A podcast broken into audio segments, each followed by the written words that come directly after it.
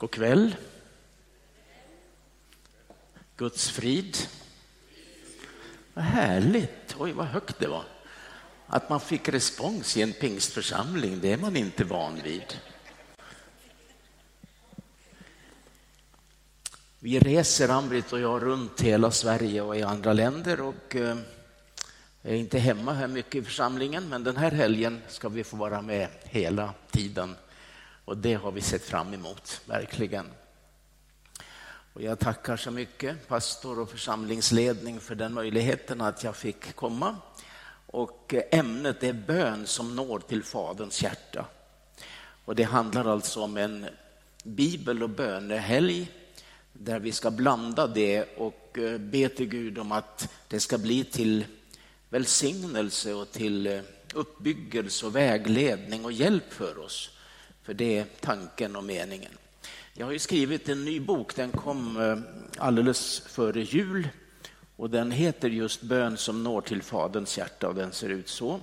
Och när jag skrev den här boken, det gjorde jag egentligen för fem år sedan, skrev den här. Mm, men den blev liggande och jag hade andra böcker som jag gav ut. Och, och nu kände jag, kanske för ett år sedan, att nu är det tid att göra något med den här texten som jag hade. Så jag jag kompletterade den och arbetade med den lite grann och så kom den ut nu då i december. Och när jag gjorde det så kände jag nu vill jag också komma till församlingar och ha bönekonferenser. Var inte det en bra idé? Du fick ju sångverser från Gud. Tror du inte att det där var från Gud också? Tror du det? ja. Och vi har haft en redan och den var upp, det här är nummer två då och, och, så är det inbokat nu på många håll i Sverige, på olika håll. Eh, och det var i Edsbyn för en månad sedan. Och det var så dråpligt förstår ni att när jag fick det där så var det som att jag hörde rösten, eh, den första ska vara i Edsbyn. Och jag har ju varit där och predikat i olika kyrkor, precis som jag är på många håll, så jag har ingen särskild relation till den orten. Men, men jag tänkte, de har ju inte kallat mig dit, så då går det väl inte. Mm, men då är det på det viset att då får man ta egna initiativ.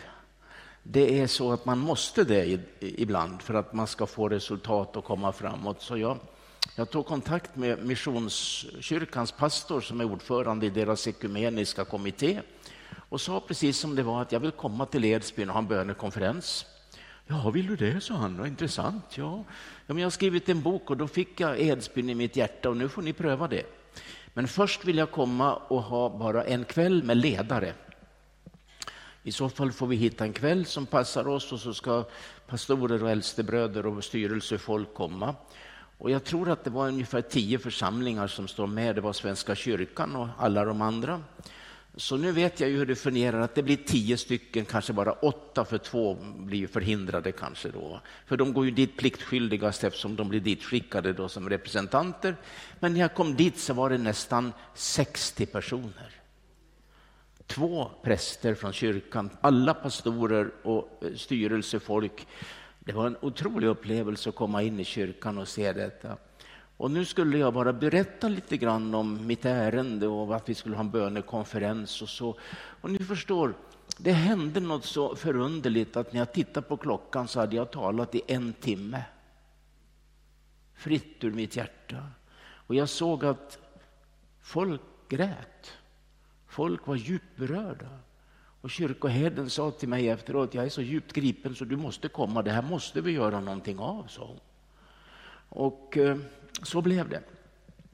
Och när jag kom dit då på fredagskvällen så var det alldeles fullsatt på fredagskvällen i Pingstkyrkan och sen var vi i Missionskyrkan hela dagen på lördag. Vi började klockan tio. Och det är den största lokalen som finns i kommunen, predikolokal. Det är Missionskyrkan och den var nästan fullsatt klockan tio. Det hade gått in, uppskattar jag, 15 personer till ungefär längst fram i ena hörnet på första och andra bänken. Och det, var, det var en sån fantastisk helg. Det var tårar och det var överlåtelse och det var förkrosselse och det var glädje och det var förbön och bön. Så jag bara förstod att nu har jag hittat någonting som Gud ska få bruka och nu är vi samlade här i Jesu namn. Och jag tror att Gud har förberett den här helgen för oss för att eh, betjäna oss och hjälpa oss och leda oss djupare in i Gud. Rent praktiskt är det så att jag vill att ni köper den här boken, men det kan ju inte jag bestämma. Så långt har jag inte makten, men jag blir jätteglad om ni köper den och jag blir ändå gladare om ni också vill läsa den. För jag tror att jag har ett ärende med den här boken faktiskt. Eh, och eh, jag ska inte predika från boken, men jag kommer sedan att kommentera vissa kapitel. Den här kostar 190 kronor och den har eh, 25 kapitel och det är 243 sidor och det är tjocka pärmar och så vidare. Sen har jag med mig de andra böckerna och de har många av er, men om ni köper den nya boken och en till som ligger där, kostar, alla kostar de 150, då är det så fantastiskt, förstår ni. Så gripande att då får ni en gratis, valfri. Ja, men du förstår Allan, vad generöst, eller hur? Allan är smått gripen här framme. Så köp två böcker så får ni en tredje och då får ni köpa samma om ni vill dela ut och sprida. Så köp vad ni vill och titta på det. Och jag har med mig lite CD-skivor också om bön. Bön som når till Faderns hjärta, två stycken. Bönetjänsten, två stycken. En som handlar om bön och fasta och en, eh, två som handlar om lovsång. För det måste vi undervisa om så det blir rätt. För det är viktigt med lovsång, men den, den måste vi förstå i ett sammanhang som har med bön att göra. Eh, tack för att ni ville ta emot den där informationen och nu kan ni få betala på Swish för jag har märkt att pingstvänner är så moderna så de trycker lite på lite knappar på den där lilla dosan och så far pengarna iväg i luften och så hamnar de i föreningen Kerygmas missionsbudget och så blir det mission av alltihop. Visst är det väl ärligt? Och har du inte Swish så får du ett inbetalningskort. Och är det någon som är så rysligt gammalmodig så du har pengar, kontanter, så offrar vi oss och tar emot det också. Vi har en sån där gammalmodig broder här framme. Men han kommer ju från Kungsör också, så det är klart att då är du inte så förnyad. Förlåt. Nu ska vi vara allvarliga och inte skoja med varandra. Jag vill nu i Jesu namn läsa från Bergspredikan. Och den återfinnes i Bibeln i Matteus evangelium. Och vi läser från sjätte kapitlet och från den femte versen.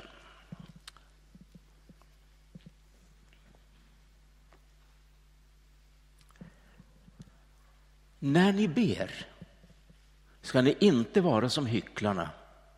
De älskar att stå och be i synagogorna och i gathörnen för att synas av människor. Amen, säger jag er, de har fått ut sin lön. Nej, när du ber, gå in i din kammare och stäng din dörr och be till din fader i det fördolda. Då ska din fader som ser i det fördolda belöna dig. Och när ni ber ska ni inte rabbla många böner, långa böner som hedningarna. De menar att de ska bli bönhörda för sina många ords skull. Var inte som det. Er fader vet vad ni behöver innan ni ber honom om det. Amen. Det här är en välkänd bibeltext för säkert alla som är här i kyrkan ikväll. Men det finns, tror jag, i alla fall för mig, underbara djup som det handlar om att återerövra eller, eller kanske för första gången upptäcka. Och det är bland annat undervisningen om bön. Eh, sen kommer bönen Fader vår direkt efter här. Och bönen Fader vår var från allra första stund inte egentligen en bön att läsa, utan en undervisning om bön.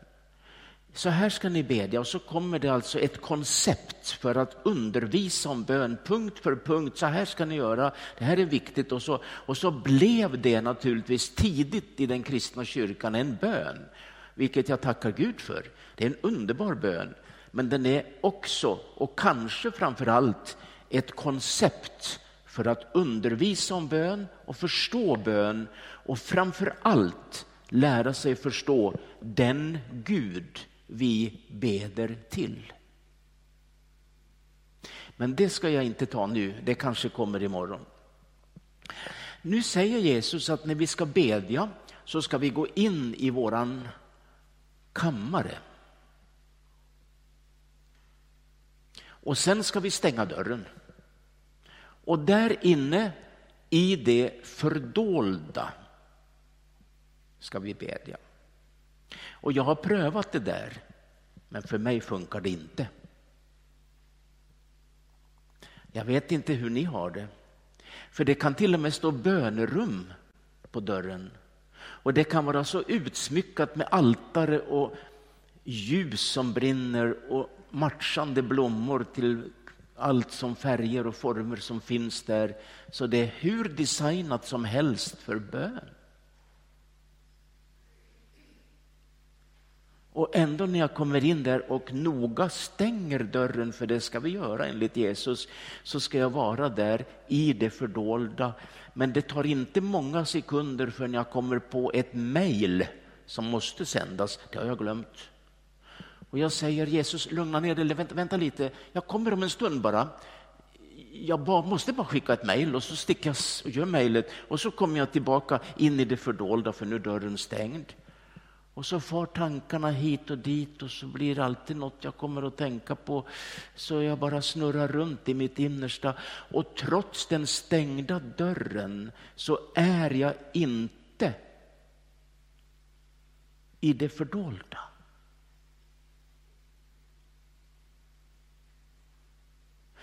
Det fördolda är inte ett fysiskt rum med en stängd dörr. Det kan vara det, men det kan också vara motsatsen. Och då tänker jag på Paulus som ger oss Bibelns kortaste vers. Bara två ord. Bedjen oavlåtligen. Varsågod och tänk på det. Och sug på det.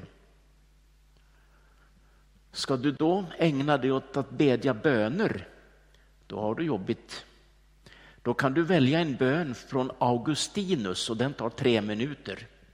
Sen måste du på med en ny från Ylva Egehorn för hon har gett oss mycket fin bönepoesi. Och sen kan du ta från Saltaren och så kan du hitta på en egen bön. Och så där ska du hålla på hela dagen och hela natten och nästa vecka och nästa månad och hela ditt liv. För Bibeln säger att du ska bedja oavlåtligen.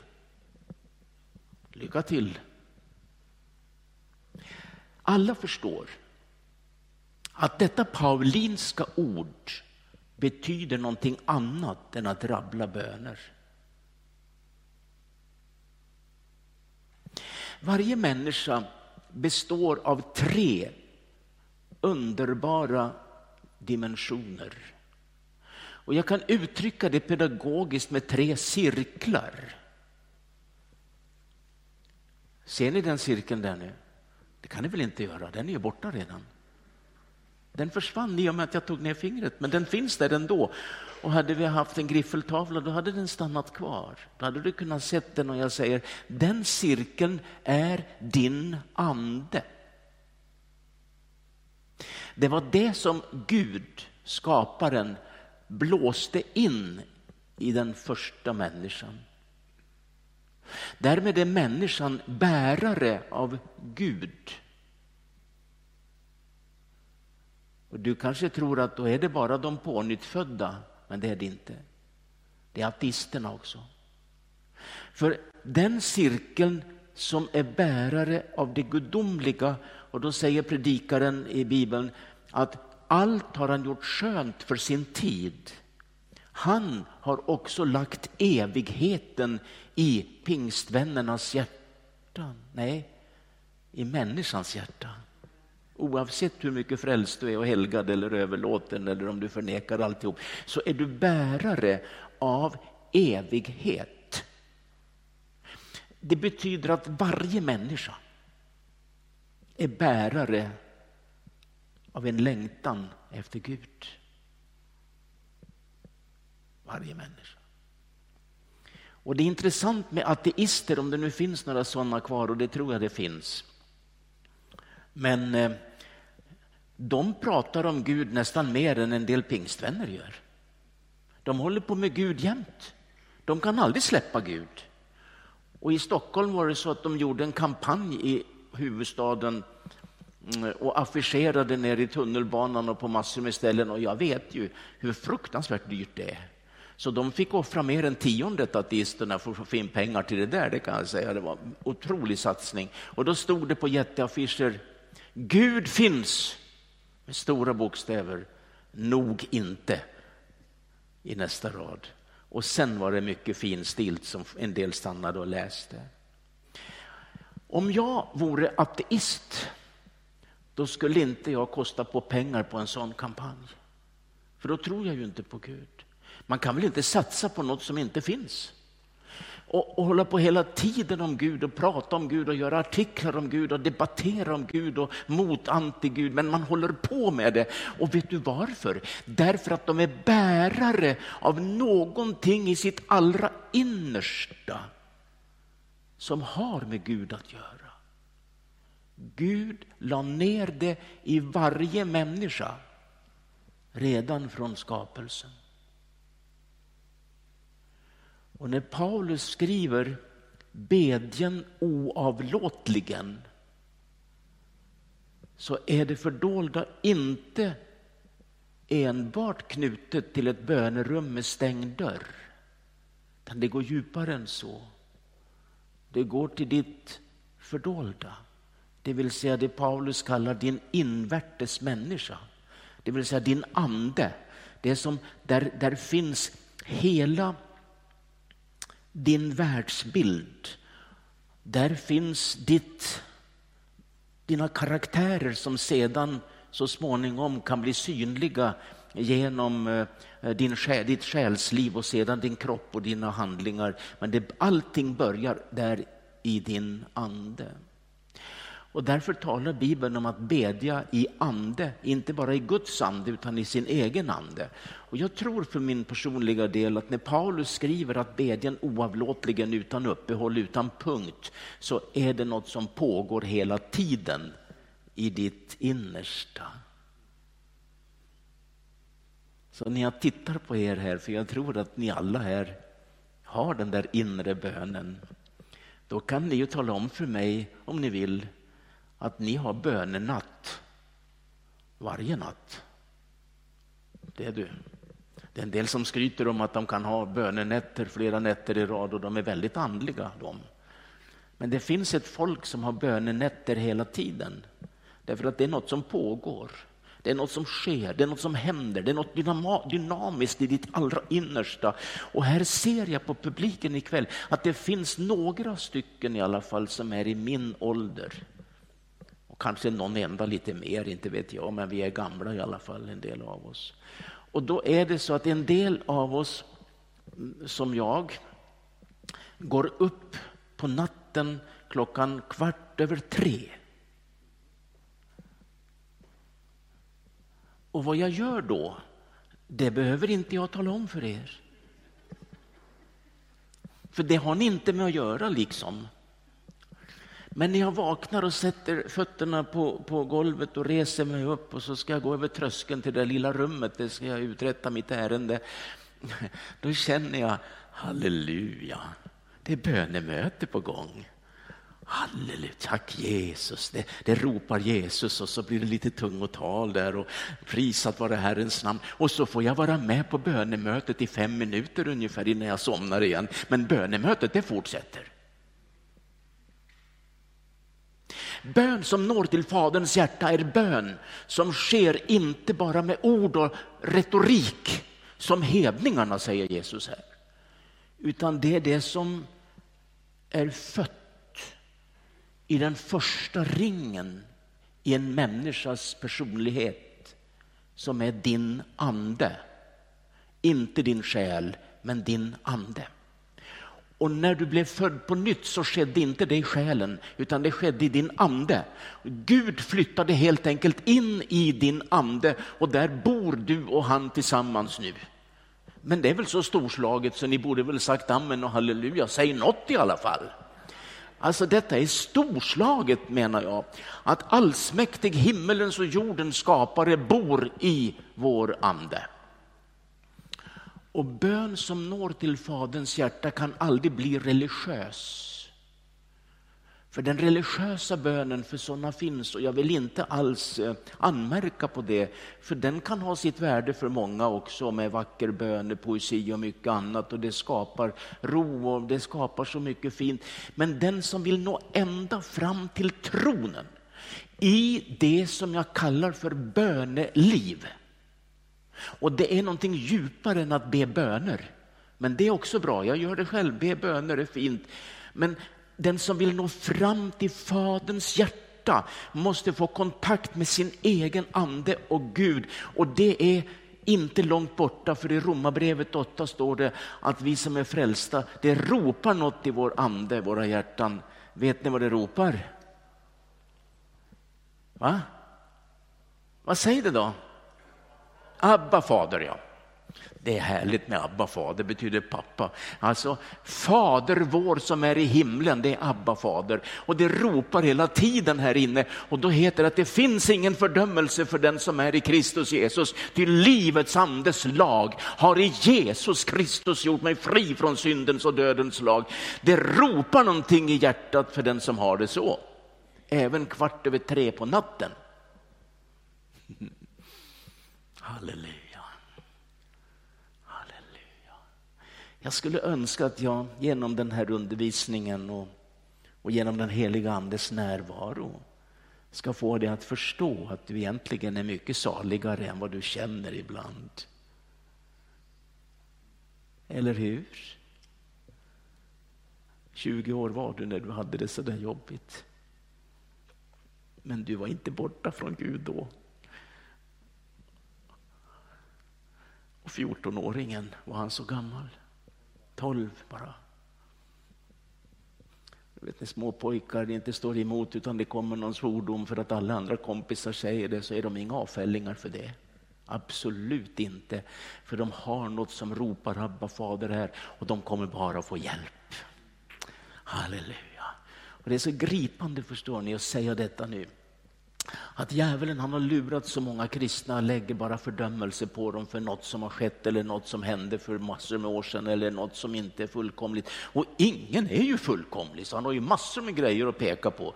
Men vi kan peka tillbaka och säga vi har något i vår ande och där bor Gud själv genom Jesus Kristus och anden har flyttat in och vi talar i tungomål och vi prisar Herren och vi känner att vi har en underbar seger. Den där sången har jag hört på kanal 10 flera gånger och det är så härligt när du sjunger den. Och nu fick vi höra den också här ikväll. Så nu tror jag vi förstår att när jag går in i själva det fysiska rummet och stänger dörren så är det det fördolda. Om jag har det i mitt hjärta. Och har jag det inte med ditt hjärta så kan inte ett fysiskt rum skapa det. Utan det måste utgå från min egen ande där Gud bor och där jag har Guds heliga ande och där det ropar Jesus och det ropar många härliga saker där. Det är bland annat Abba fader. Och nu ser vi här, nu finns det en stark undervisning här av Jesus då han säger, nej när du ber gå in i din kammare och stäng din dörr och be till din fader i det fördolda. I det fördolda. Denna preposition visar någonting om var Gud finns. Jag är inte alls säker på att Gud finns i ett fysiskt bönerum i någon kyrka när ingen människa är där, för det är ingen som vet, för ingen har varit där när ingen är där. Så ingen har varit och kollat. Men om en pånyttfödd kommer dit, då är Gud där, absolut säkert. Så det finns en, en oerhörd eh, tanke i detta att, att rummet, kyrkorummet, bönerummet, andaktsrummet blir uppfyllt när en troende kommer dit och är bärare av det gudomliga som finns i vår ande. Och då gäller det våra hem. Det gäller våra familjer, våra hus och lägenheter.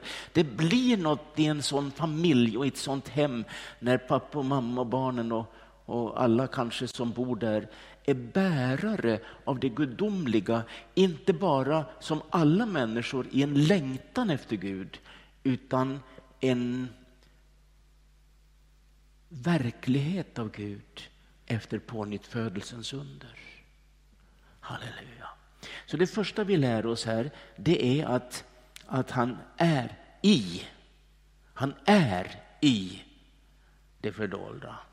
Det är Gud, han är. Det handlar om positionen. Och nu kan jag säga det med absolut stöd från Bibeln och stöd från egen erfarenhet att ikväll här i Pingstkyrkan när vi är samlade så är han i den här lokalen. Fattar ni då? Det är storslaget, men vi är så vana vid det så vi nästan inte tänker på det. Men, men om vi riktigt fattade vad jag säger, då skulle vi bli både glada och förkrossade och, och, och alla möjliga andliga upplevelser skulle vi få. För Gud är, Jesus är, den heliga ande är i det fördolda. Det vill säga i min ande, den första ringen. så. Halleluja. Och så är det så, och det är jag övertygad om, att när hela gudomen, Fader, Son och helig Ande finns i min ande genom pånyttfödelsen, genom andedopet, genom förnyelse, genom olika andliga upplevelser, så blir det en sån oerhörd energi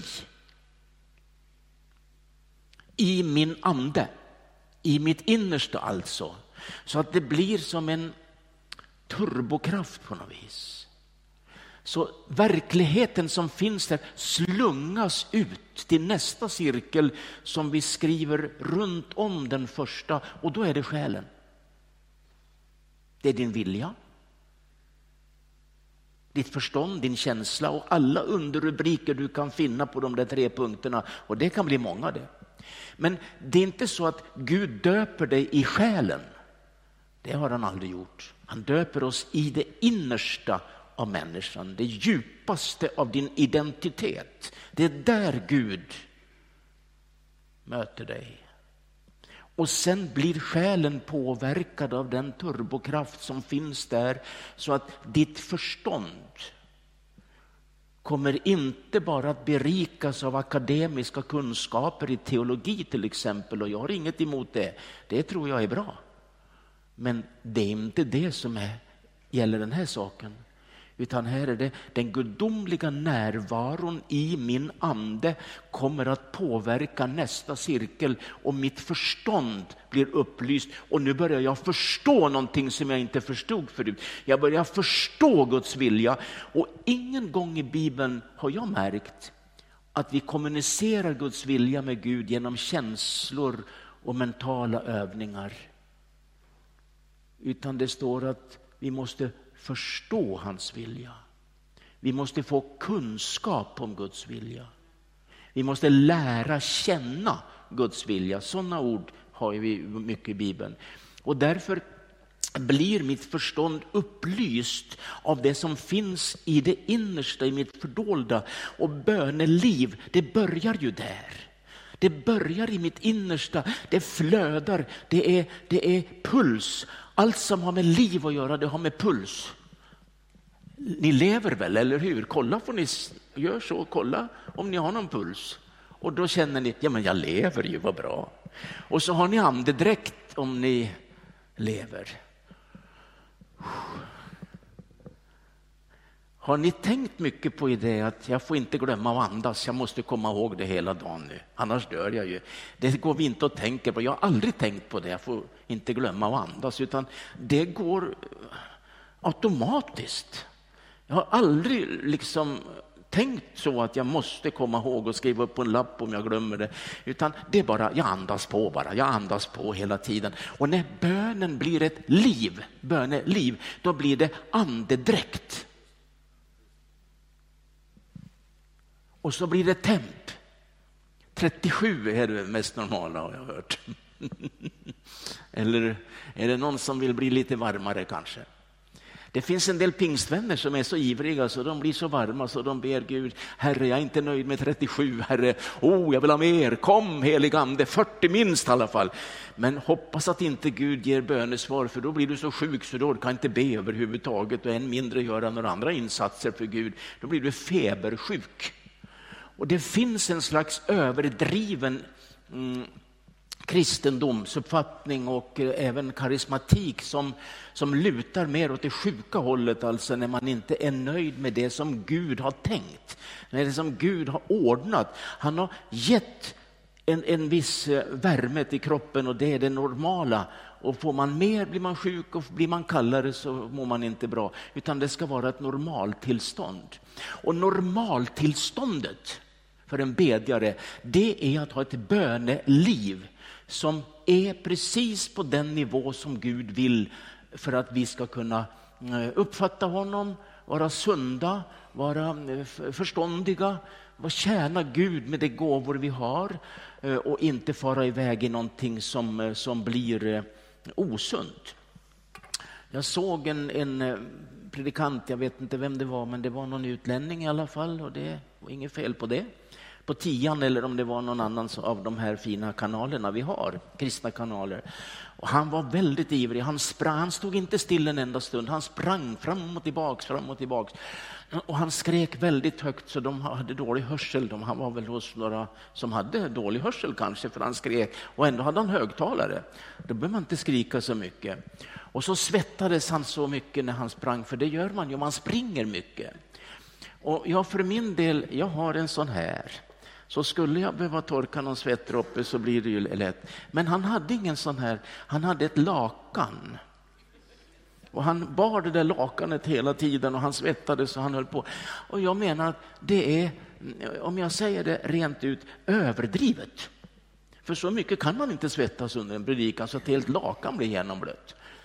Alltså man ska överdriva vad det ena och det andra håller på. Utan man ska ha 37 grader. Det visar mig att det är något som är sunt, något som Gud tycker är normalt. Och så är det så att det är Gud som utför verket. Det är inte den predikanten som skriker och härjar och hoppar, utan det är Gud som utför verket. Det är Gud som gör det. För en bedjare som inte är nöjd med böner, utan som förstår att det kommer från min egen ande där Gud bor och där Herren Jesus finns och där helige ande har, har tagit sin boning, så är det inte jag som ska göra verket, utan det är han som gör det. Då behöver inte jag hjälpa till med att knuffa omkull folk och, och hålla på och bära emot, utan jag kan stå still och bara predika så här enkelt och så gör Gud jobbet. Amen. Vad glada ni vart när jag sa så där. Slipper ni göra det själva, eller hur? Vi överlåter det åt Gud, han som verkar. Och det, står, och det är inte bara det vi blir valda till på årsmötet, att vi ska vara kollektörer och arbeta i söndagsskolan och mycket annat. Mm, eh, eh, även det måste Gud få hjälpa oss med. För det heter i Johannes 15, mig förutan kan ni ingenting göra. Tänk att han säger så till oss. Det är nästan lite på gränsen till ofint. Något kan vi väl göra i alla fall. Men i det andliga kan vi ingenting göra. Ingenting. Och då, då talar han om grenarna som blir avhuggna för att de är döda. Och de kan inte vara kvar på stammen för de, har, de kan inte bära frukt. Men då kan man väl göra något av en sån där avhuggen gren, tänker jag i alla fall. Är man lite konstnär så kanske man kan göra något fint konstverk av en sån här gren och det blir smyckat åt alla håll. Vore det väl fint? va? Och är den tillräckligt tjock så kan det bli en fågelholk. Men då måste den vara rejäl. Eller kanske man kan hugga upp den till ved och få varmt i huset. Så något kan man nog göra. Men då jobbar man med det som är dött. Ska du arbeta med det som har liv? Det är bara Gud som kan det. Vi kan plantera, vi kan vattna, men det är Gud som ger växten. Halleluja. Vet ni vad jag nästan tror lite nu? Jag reser ju så mycket, jag tycker det är så mycket verksamhet och pastorerna de är så ivriga och, och de vill så mycket. Och, och ibland tycker jag de kämpar på nästan för mycket. Det är inte de som gör jobbet, det är Gud. Det är Gud. Och ju mer det får flöda ifrån min ande ut till själen som är de gåvor Gud har gett mig genom vilka jag kan kommunicera med Gud förstås, men med omgivningen och mina medmänniskor, så är det så att ju mer energi från min ande som kommer ut i själen, när jag börjar förstå, börjar känna, börjar ana, börjar uppleva, så blir jag en kommunikatör också från Gud. Och då är vi inne i den profetiska bönen. Och vet du, bön som når till Faderns hjärta och som börjar i min ande, den blir profetisk. Den blir profetisk. Och jag har varit med om det så många gånger. Att vi bjuder fram folk och ibland kommer det bara två eller ingen eller någon och ibland är det ju fullt här framme i kyrkan där jag är. Och jag börjar be och så känner jag att helig andes smörjelse jag börjar be det jag får. Och så säger vederbörande efteråt, tack för att du bad för mig. Hela din bön var precis inne i min situation. Och nu känner jag att jag inte är bortglömd av Gud. Jag visste ingenting, men bönen blev profetisk. Halleluja. Bön i det fördolda är bön som hämtar sin energi i människans egen ande så djupt in i personligheten du överhuvudtaget kan komma. Och där bor ju Gud och där finns helig ande och där finns Jesus och vet allt om den jag ska be för. Allt. Det blir profetiskt. Jag var på ett ställe, predikade, det var mycket möten. Jag hade predikat eftermiddag så skulle jag också predika på kvällen och så var det kaffeservering mellan. Det här är några år sedan, men jag minns det mycket väl. Och så var det kaffeservering och jag satt vid ett bord och drack kaffe. Ambrit fick inte plats vid det bordet så hon satt vid ett annat bord, lite, kanske något par meter ifrån. Och så rätt vad det var när jag satt där och åt en bulle och fick kaffe så fick jag en dikt. Alltså det var ingen dikt som någon annan hade skrivit, det var en ny dikt. Och jag tog, för jag hade inget papper, penna hade jag, så jag tog servetten och så började jag skriva på servetten. Jag fick tre versar. Du fick ju bara två från Gud. Så fick du skriva en själv också. Jag fick alla tre från Gud. och så skrev jag ner. Så jag tänkte, jag har aldrig varit med om något liknande. Jag har aldrig varit med om. Så jag tog den servetten och stoppade den i fickan och gick in och predikade. Och så bad jag för folk efter predikan. Och så står jag framför en kanske medelålders kvinna och då hör jag som en röst i mitt innersta som säger läs dikten för henne. Och då upplyste jag Gud om en sak. Det fattar du väl Gud, att man kan inte ta fram en papperslapp, en servett och läsa dikter för folk som är här. Jag ska ju be för henne. Läs dikten, sa han. Och jag tänkte, jag fick väl den för den här kvinnans skull. Men jag sa, jag vägrar att ta fram papperslappen och stå och läsa.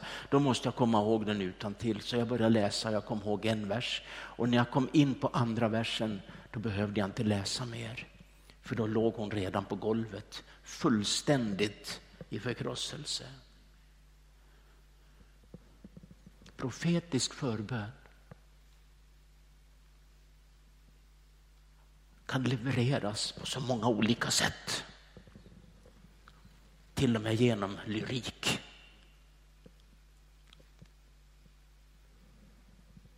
Halleluja.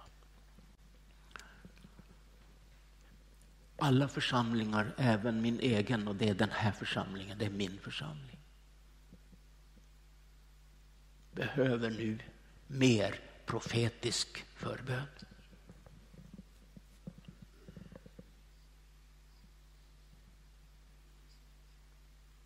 Bön som inte bara är en bön som vi kan ta från hjärnan eller liksom mentalt bara formulera en fin bön, det blir lite bönepoesi nästan eller, eller lite värdefulla tankar. Utan bönen som når till Faderns hjärta, den är född i min ande och levandegör mina själsegenskaper så att jag in i min mentala verklighet kan börja tala ut böner som hjälper folk, som vägleder folk och som uppenbarar ting för folk.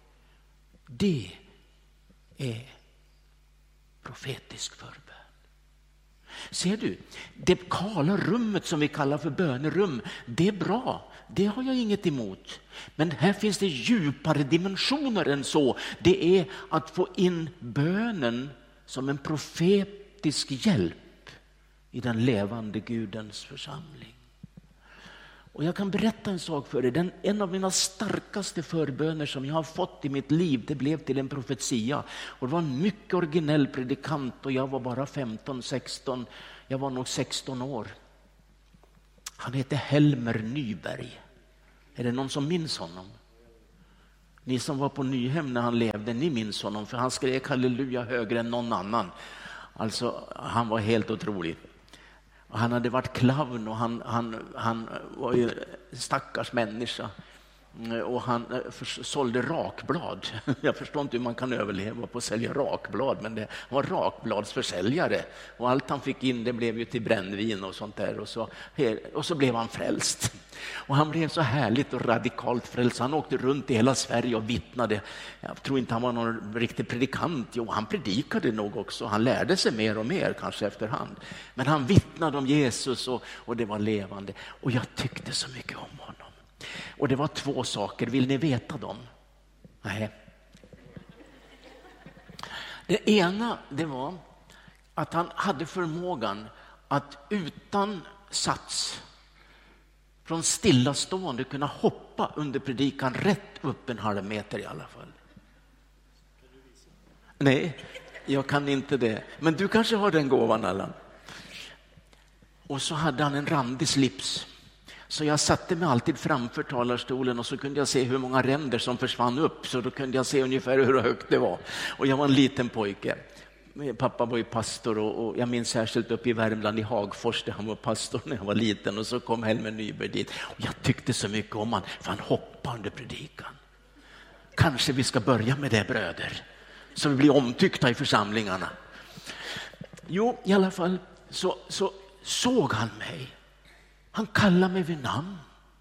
Han var ju en gammal farbror tyckte jag. Och så, så såg han en liten pojke.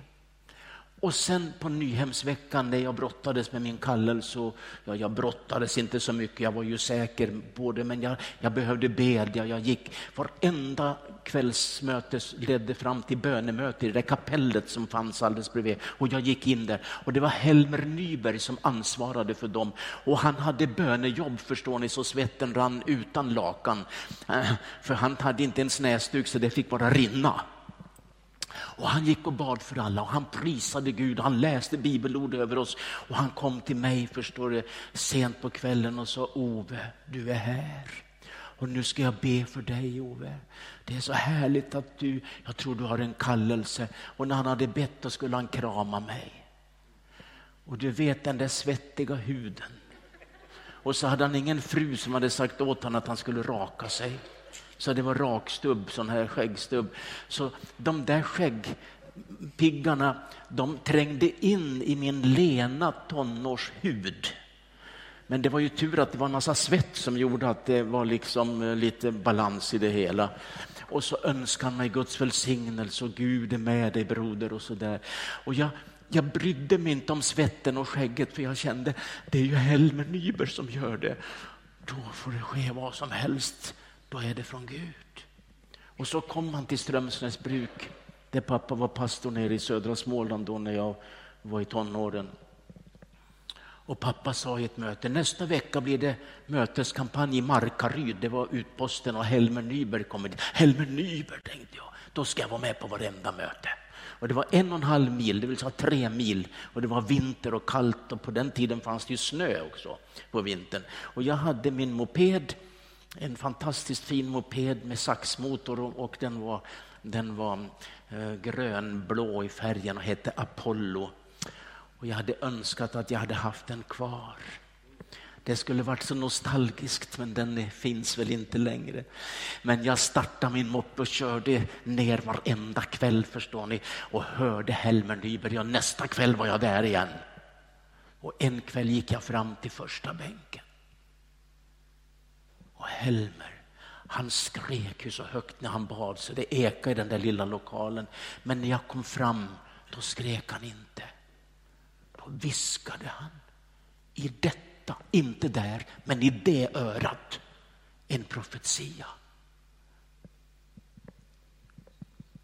Bönen blev profetisk. När Helmer Nyberg talade in i mig. Abba, halleluja. Och den var så stark den gällde min framtid. Och jag tror nog att en del av det han sa har gått i fullbordan. Och nu är jag 75 år. Och jag tror mig veta att inte allt ännu har gått i fullbordan. Det borde få ske. Vi har ett stort behov nu av profetisk förbön.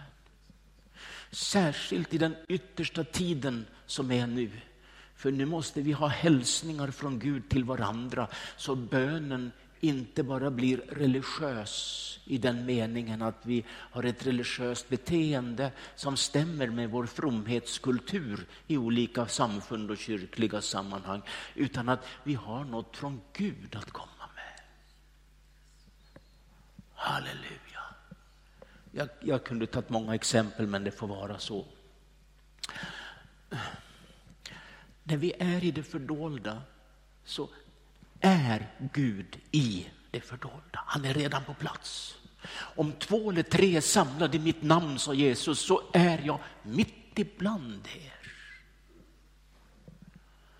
Är det någon som går på möten i Eskilstuna så är det Gud och Jesus. Han är på alla möten. Små möten, stora möten, härliga möten, jobbiga möten. Finns det sådana? Jag kan säga att det finns. Han är på alla slags möten. Under förutsättningen att de som är där är samlade i hans namn förstås. Då är han där. Bön som når till Faderns hjärta handlar alltså om närvaro, där bedjaren är närvarande med den Gud som absolut är närvarande i mötet. Då kom jag till en pingsförsamling för en mötesserie.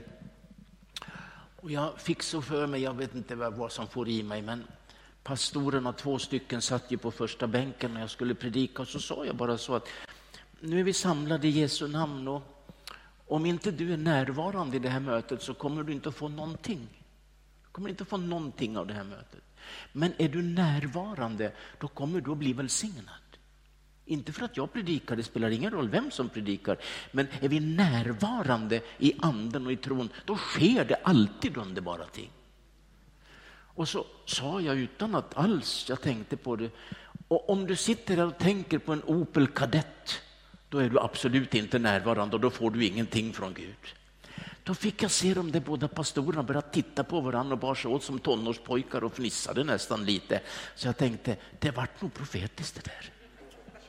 Och så la jag till innan jag började predika, sitter du här och tänker på kaffe, då är du helt utanför alla Guds välsignelser, för då når du inte fram.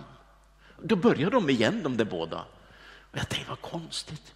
Och efter mötet då kom ungdomspastorn först, för de springer fortare än föreståndare. De är ju lite mer värdiga och går sakta och skrider fram liksom sådär. Men ungdomspastorn han kom. Hur kan du veta att jag håller på att köpa en Opel Kadett? Och jag tänkte precis på att jag får ner priset för jag ska göra upp affären imorgon. Det satt jag och tänkte på. Broder, det är profetiska möten här, kom ihåg det. Och så kom föreståndaren lite mer värdigt och så sa han, ja, sa han, om sanningen ska fram så tänkte jag på kaffe. Men sitter du kaffesugen mitt i mötet? Nej, nej, nej, nej, det var inte så, sa han. Det var så att min hustru ringde mig till bilen när jag var på väg till mötet och sa de säljer så rysligt billigt kaffe på varuhuset så du måste hinna gå in och köpa allt det du får ta, för det var ju begränsat antal man fick ta. Ja, kära du, det ska jag göra. Men han hann inte, så nu satt han och filade på försvarstalet som han skulle hålla när han kom hem. Och du vet, då är man inte där. Då är man inte där om man sitter och tänker så. Men den som är närvarande. Amen. Med sin längtan, sina behov, sin själ, sitt hjärta. Då kan det ske vad som helst. Då förlöses det profetiska i bönen, för då är du upptagen av Gud och inte av andra saker som du kan ha som en börda eller så. Släpp sånt och nå fram till Faderns hjärta i din bön. Då är du i det fördolda och då kan du sitta i ett bönerum. Då har du det. Men om du är där i bönerummet ytligt med religiösa böner så är du utanför. Fadern är i det fördolda. Och sen ser jag i sjätte versen också, för din fader som ser i det fördolda ska belöna dig. Den Gud som vi ber till när vi når fram till Faderns hjärta, han har ögon. Han ser bedjaren. Ser i det fördolda. Ser. Det betyder att du är iakttagen. Inte i en negativ mening som att någon som vill det illa eller polisen ser brottslingen och nu ska han ta den. Utan han ser med sina kärleksfulla ögon. För han kallas här i nästa stycke vår fader som är i himlen. Han ser med faders ögat som är så fullt av kärlek. Så full av omsorg. Ögon som kan gråta. Ögon som iakttar. Ögon som inte dömer och kastar ut dig och sparkar på dig. Ögon som är hur fyllda av kärlek som helst. Det är fadersbegreppet. Bön som når till Faderns hjärta inte bara når till Faderns hjärta utan blir iakttaget, sett alltså, av Faderns ögon. Och nu tror jag att jag talar till någon här som nästan har gett upp det där med bön. Hur du ber och ber och ber och tycker inte att det händer något. Men jag ska berätta för dig. Det finns någon som ser dig som har sett dina tårar, som har sett din nöd, som har sett din ångest. Och det är din himmelske fader som i Jesus Kristus och genom den helige Ande har iakttagit dig och gråter tillsammans med dig i din nöd. Han ser i det fördolda. Och det tredje är att han vet i det fördolda. Din fader som vet vad du behöver. Vet. Det har med kunskap att göra. Gud vet allt.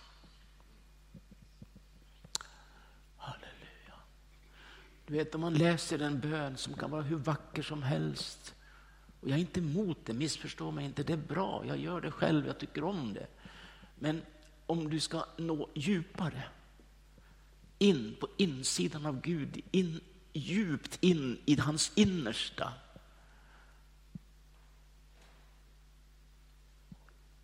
Så måste du ta till dig pånyttfödelsen som är din andliga gåva, andedopet som är din upplevelse, förnyelsen med Gud som du så många gånger har fått vara med om.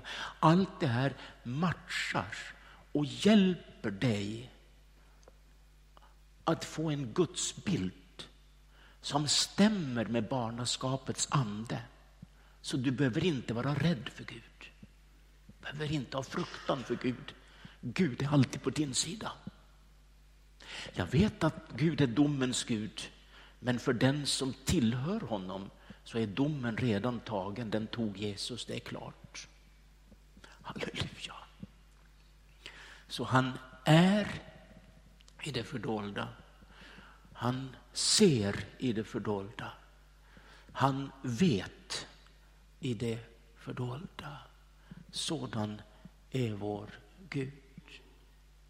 Sen är det tre stycken här i det sjätte kapitlet. Först handlar det om rätt givande och sen om rätt bön och sen om rätt fasta. Och Det är intressant att det är ungefär samma ord som Jesus använder när han beskriver den troende som ska ge och be och fasta. Ta givandet här i första eh, kapitlet. Akta er för att utföra goda gärningar för att människor ska se er. Då får ni ingen lön hos er fader i himlen. När du ger en gåva, blås då inte i trumpet för dig som hycklarna gör i synagogorna och på gatorna för att människor ska berömma dem. Amen säger jag er, de har redan fått ut sin lön. Nej, när du ger en gåva, låt inte din vänstra hand veta vad den högra gör så att din gåva ges i det fördolda. Det börjar alltså där. Det djupaste av din identitet, där börjar det givandet. Då ska din fader som ser i det fördolda belöna dig. Så även när du ger ditt offer till församlingen och till mission och om du ska hjälpa någon människa du ger och investerar så är det allra bästa för dig att det är fött i ditt innersta där Gud bor, där Jesus finns, där den helige Ande tronar. Där föds visionen av att investera, att ge, att stödja. Då händer det något med oss. Då får vi inte belöningen av människor som prisar oss för att vi är så religiösa och duktiga och trofasta. Då får vi vår lön från Gud. Och samma sätt som vi redan har sagt när det gäller bönen och sen går vi till fastan. Då är vi på 16 versen. När ni fastar, se inte så dystra ut som hycklarna. De vanställer sina ansikten för att visa människorna att de fastar. Amen säger jag er, de har redan fått ut sin lön. Nej, när du fastar, smörj ditt huvud och tvätta ditt ansikte så att människor inte ser att du fastar utan endast din fader som är i det fördolda. Då ska din fader som ser i det fördolda belöna dig. Jag har eh, i min bok ett kapitel, ganska rejält kapitel om fasta. Så jag ska inte säga så mycket om det, får ni läsa där. Men fastans energi, det är nöden. Det är ingen idé egentligen att börja fasta om man inte har nöd. För då blir den väldigt lätt religiös. Jag har ju sett det som pastor under hela mitt vuxna liv, att vi har pålyst fasteperioder i församlingarna. Och då vet jag, om jag har varit ett tag i en församling, då vet jag ungefär vilka som kommer. Inte alla kommer. De flesta kommer inte. Men det kommer ett gäng. Därför att fastans energi, det är att man har nöd för saker och ting. I Gamla Testamentet läser jag om att de fastade när krig hotade, då hade de nöd. De fastade när synd hade kommit in i staden och bland folket och i lägret. Prästerna fick nöd. De hade ju så fina prästkläder, men då tog de av sig sina fina prästkläder och klädde sig i säck och aska. Nöden drev dem till det. Och till och med strödde de jord på huvudet. Det är väl inget beteende man har vanligtvis. Men när nöden var så stor så gjorde de allt det där för att markera nöd inför Gud.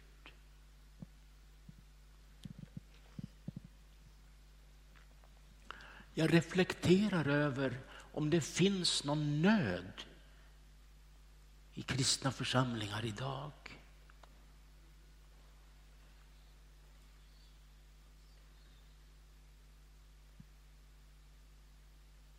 Nöd. I mina unga år hörde jag de äldre, de pratade om att vi måste ha nöd för själars frälsning, sa de. Och var det som att det fattades pengar i församlingskassan så, så var det inga kollekttal. Då hade man så nöd som man fastade och bad för saken. Då kom pengarna.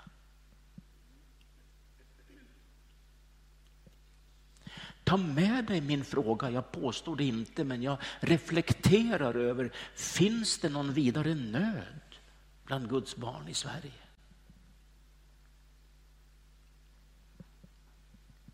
Då blir det bön och fasta. Men har vi ingen nöd, då finns det ingen energi för fasta. Jag glömmer ju aldrig när jag var i Brasilien, det här är, det här är en del år sedan, för pingströrelsen hade sitt 80-årsjubileum och jag var inbjuden som predikant och förkunnare då. Och det var ju massor med folk. Hur många tiotusentals som helst alltså. Det är ju en jätterörelse. Och en dag när jag hade stått och talat till alla dessa människor, för det var en jättestor kyrka och gatan var avstängd så taxichauffören var lite sur när han skjutsade oss från hotellet. Ja, pingstvännerna har stängt av gatan så vi kommer ju inte fram, sa han. Och så på en stor parkeringsplats och där var det en stor skärm så de kunde följa. Det var ingen skärm där men högtalare så det var massor med folk. Så kommer ledaren, pastor José Wellington till mig en dag och säger Broder Ove, sa han, vi vill att du kommer till oss. Vi är kanske ett par hundra pastorer i en lokal här i nedre våningen och vi har sån nöd för pingstväckelsen så, alltså vi ligger och gråter och ber och ropar till Gud. Jag har inte hört att det är någon nöd, så vad är det för nöd ni har? Jag kom ska berätta för dig. Och så berättar han att de som är 20 miljoner medlemmar ungefär i sin rörelse Eh, det är många som tror att det är ändå mer och de är mer för det är flera rörelser för de har splittrats några gånger och totalt så är de absolut mer än 20 miljoner. Men den här huvudspåran då kanske är ungefär så. Och så säger han, vi har inte haft så bra ordning på statistiken här med våra, våra matriklar och sånt där. Och, och nu har, vi, nu har vi lämnat det till proffs och de har gått igenom allt sånt där och nu har de redovisat resultatet. Och, Och vi har sån nöd nu, för vi har inte den väckelse och framgång som vi har trott. Vi har kanske en liten procent bara.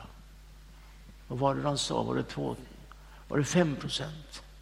Min hustru hjälper mig komma ihåg. Det var fem procent. Fem procents tillväxt. Och det var nöden. Vi hinner inte få Brasilien frälst innan Jesus kommer, sa han.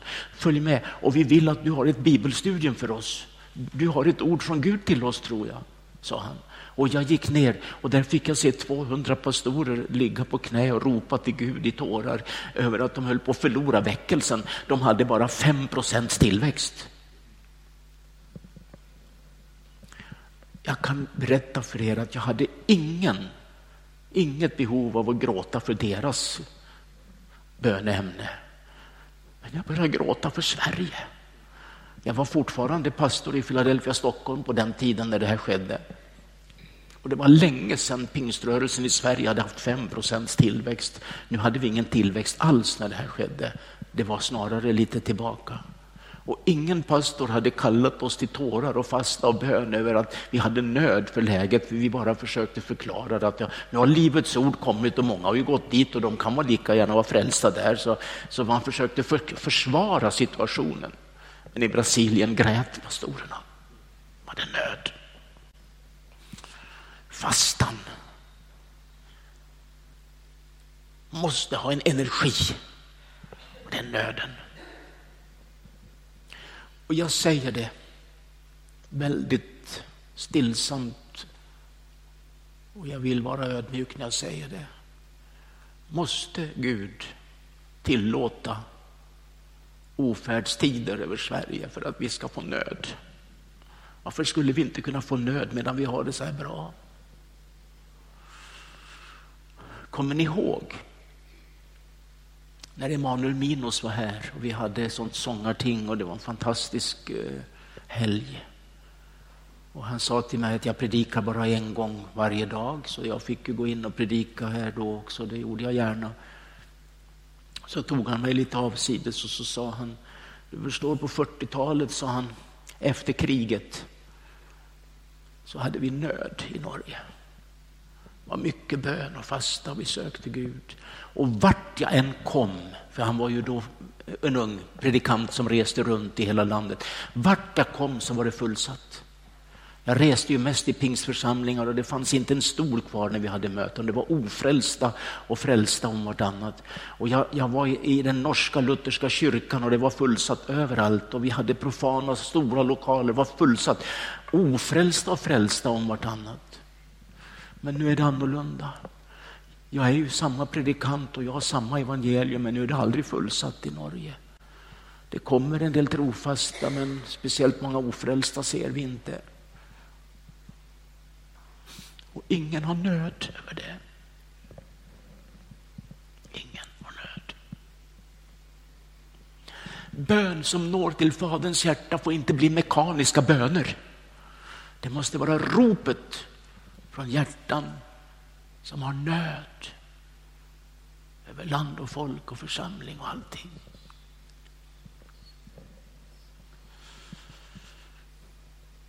Jag reser ju runt. Det är länge sedan jag såg ett bönemöte där de böjde knä och bad. Och det är inget fel att sitta och bedja. Det har absolut säkert inget fel.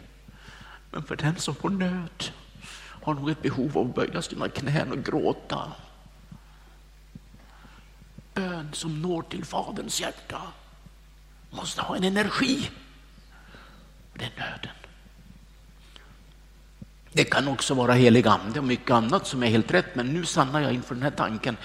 Och här finner jag att den som fastar ska göra det på ett sådant sätt så att man får belöningen från Gud och inte från människor. Så när du fastar ska du smörja ditt huvud och tvätta ditt ansikte så att människorna inte ser att du fastar. För den som fastar blir lite blek om huden, eller hur? Det syns ju, där fastar. Titta vilken gudfrukt igen. Fasta en vecka, ja. En sa till mig och skröt väldigt mycket. Jag har fastat 40 dagar, jag vet du. Så han, jag, jag, jag, jag har hållit på länge, jag, så du har fastat.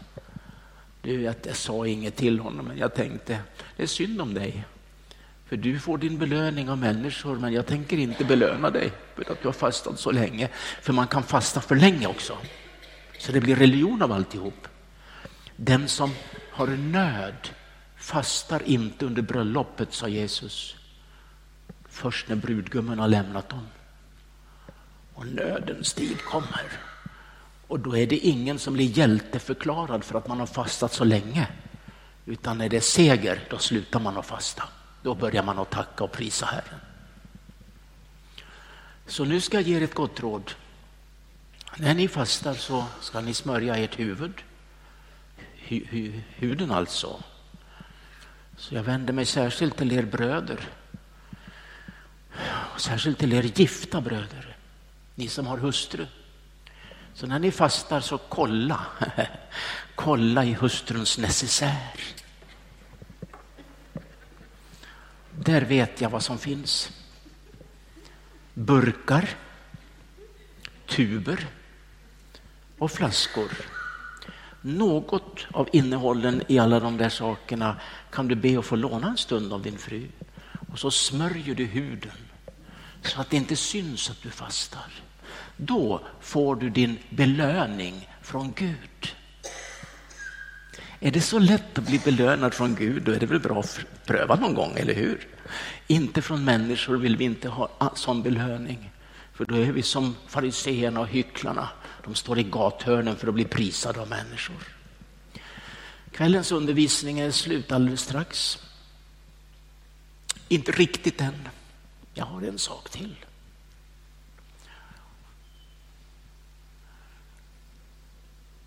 Jag fick en längtan att läsa Johannes första brev så där vid jultid. Varenda dag läste jag dem, det är ju bara några kapitel. Läste det gång på gång på gång på gång och fascinerades på nytt av Jesus och ljuset och sanningen. Och vi slår upp där och det blir det sista för ikväll.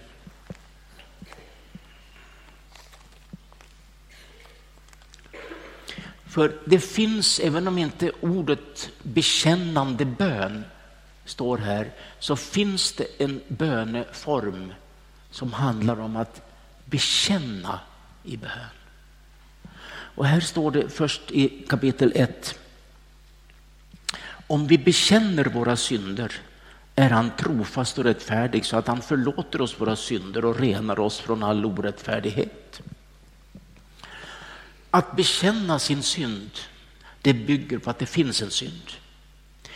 Jag har, jag har sagt det, jag predikar ibland i lutherska kyrkor där man har syndabekännelse och jag har absolut inget att klaga på eller kritisera dem för det, för jag tycker det är fantastiskt egentligen.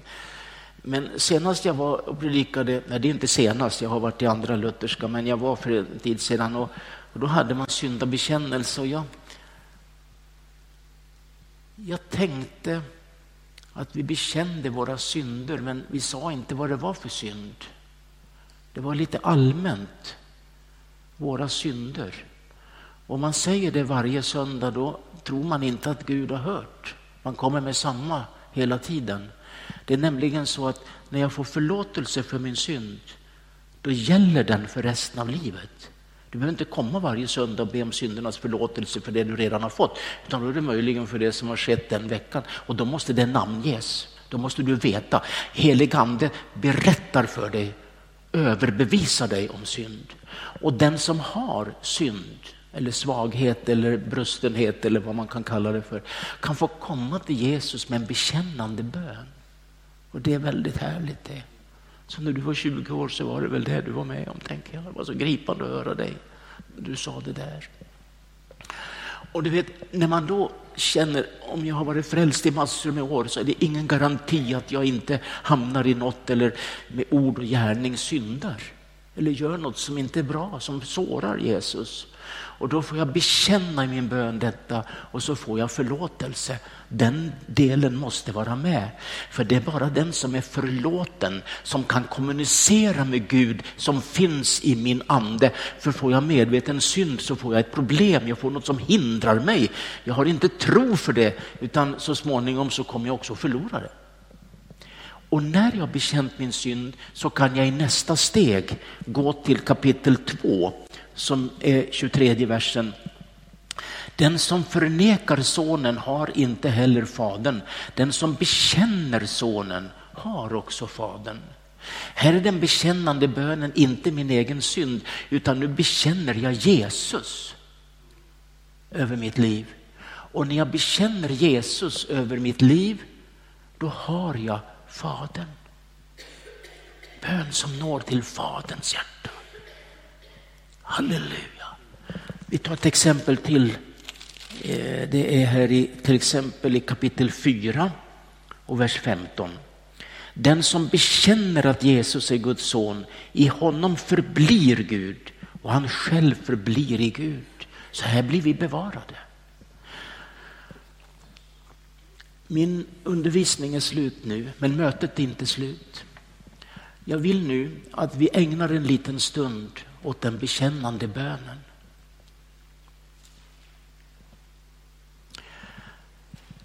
Jag är alldeles övertygad om att alla som är här ikväll har böneämnen. Någon ber för sin sjuka kropp. Du behöver ett helbrägdagörelse under. Någon har ett ekonomiskt bekymmer och det vill du be för. Du har en relation som är så svår och det ska du be för.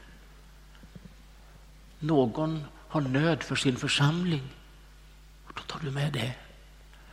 Eller varianten är stor och jag kan inte ge exempel på allt som finns i denna stora samling. Men nu när jag säger till så ska ni alla komma fram och ställa er här framme. Och när vi alla står här framme nu om en liten stund, då ska vi bekänna inför Gud medan vi räcker handen och den ena handen kan du få lägga på ditt hjärta. Så bekänner du i Jesu namn och så säger du ditt bönämne. Och det finns en sån oerhörd kraft i namnet Jesus. Och därför säger Jesus, det kommer en tid då ni ska få bedja i mitt namn och då ska det ske någonting. Jag har berättat på några platser och jag hade nästan låtit det här falla i glömska för det är ett antal år sedan det skedde. Jag kom till en stor världsstad, jag predikade, hade väl någon pastorskonferens och vad det var. Och jag var på väg till hotellet och jag hade kanske 100 eller 200 meter kvar på trottoaren där så var jag framme vid mitt hotell. Och då fick jag se en kvinna komma fram mot mig på min sida så. Och en annan kom där. Och jag tittade till så kom de från alla håll. Och till slut så var det nog ja, fem eller sex, kanske sju kvinnor som hindrade mig att gå fram. Och den ena kvinnan höll i min, mitt byxtyg där plånboken fanns för att ta tag i min plånbok och jag tänkte förlorar jag den så förlorar jag mina betalkort och pengarna kan de väl få ta för det var väl inte så mycket. Och mina, min identitetshandlingar. Så jag tänkte nu är det allvarligt. Och så såg jag några män som stod bara några meter ifrån dem, tre, fyra män kanske någonting sånt. Och jag tänkte det är de som ska göra det nu när de här kvinnorna har hindrat mig att komma fram. Så jag förstod att nu, nu blir det svårt, nu blir jag nedslagen här. Och, och jag såg det värsta framför mig. Men vet du vad jag gjorde? Jag sträckte den hand som var fri, den andra höll jag ju för att bevara plånboken. Och så ropade jag på det språk som de kunde. I Jesu namn. Jag ropade, jag skrek ut det. Tre gånger ropade jag ut i Jesu namn. Och de förstod vad jag sa. Då släppte hon taget om plånboken. Och de där kvinnorna ställde sig som i, i en position som en allé efter en väg stod de. Och jag bara vandrade förbi dem i Jesu namn. Och männen som stod där gjorde mig inget ont.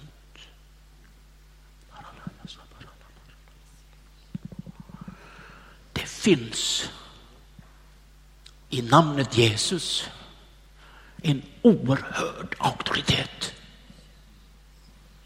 Så våldsmännen och kvinnorna kunde ingenting göra. Nu, om några få minuter, ska du få säga det underbara namnet. Nu ska du inte bedja böner. Du kanske har bett tillräckligt. Nu ska du i Jesu Kristi namn bekänna det namnet över ditt böneämne. Och Gud kommer att svara dig. Bröder, flytta bordet.